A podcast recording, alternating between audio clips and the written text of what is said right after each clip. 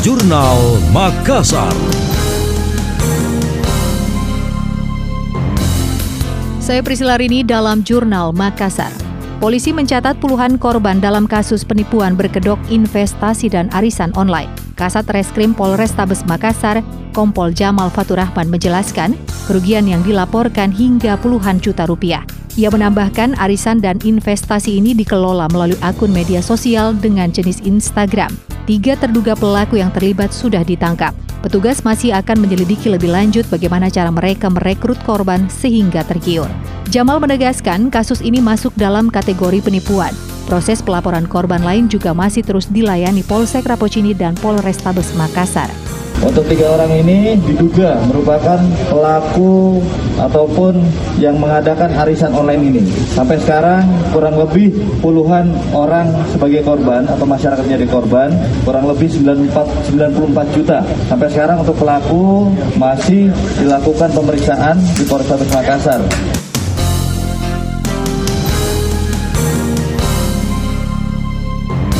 Sebelumnya ratusan warga mendatangi Mapolsek Rapocini, Makassar. Mereka melaporkan penipuan arisan dan investasi amanah senilai miliaran rupiah. Korban mengaku dijanjikan pendapatan berlipat dari arisan amanah ini.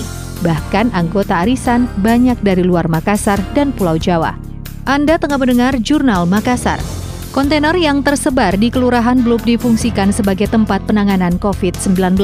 Wali Kota Makassar dan Pomanto mengatakan telah menunjuk Sekretaris Daerah M. Ansar agar program itu bisa segera berjalan.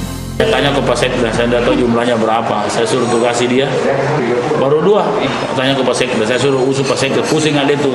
Dari dulu saya teriak-teriak, teriak-teriak. Pak Sekda yang saya tugasi itu, harus saya semua ketiga.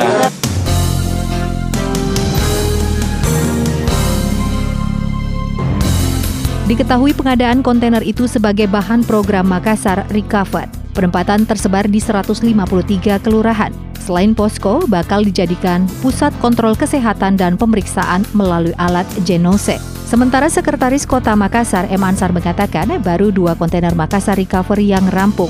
Selebihnya masih tersandung persoalan administrasi lahan. Selain itu, beberapa lurah tidak begitu mengerti sehingga progresnya berjalan lamban.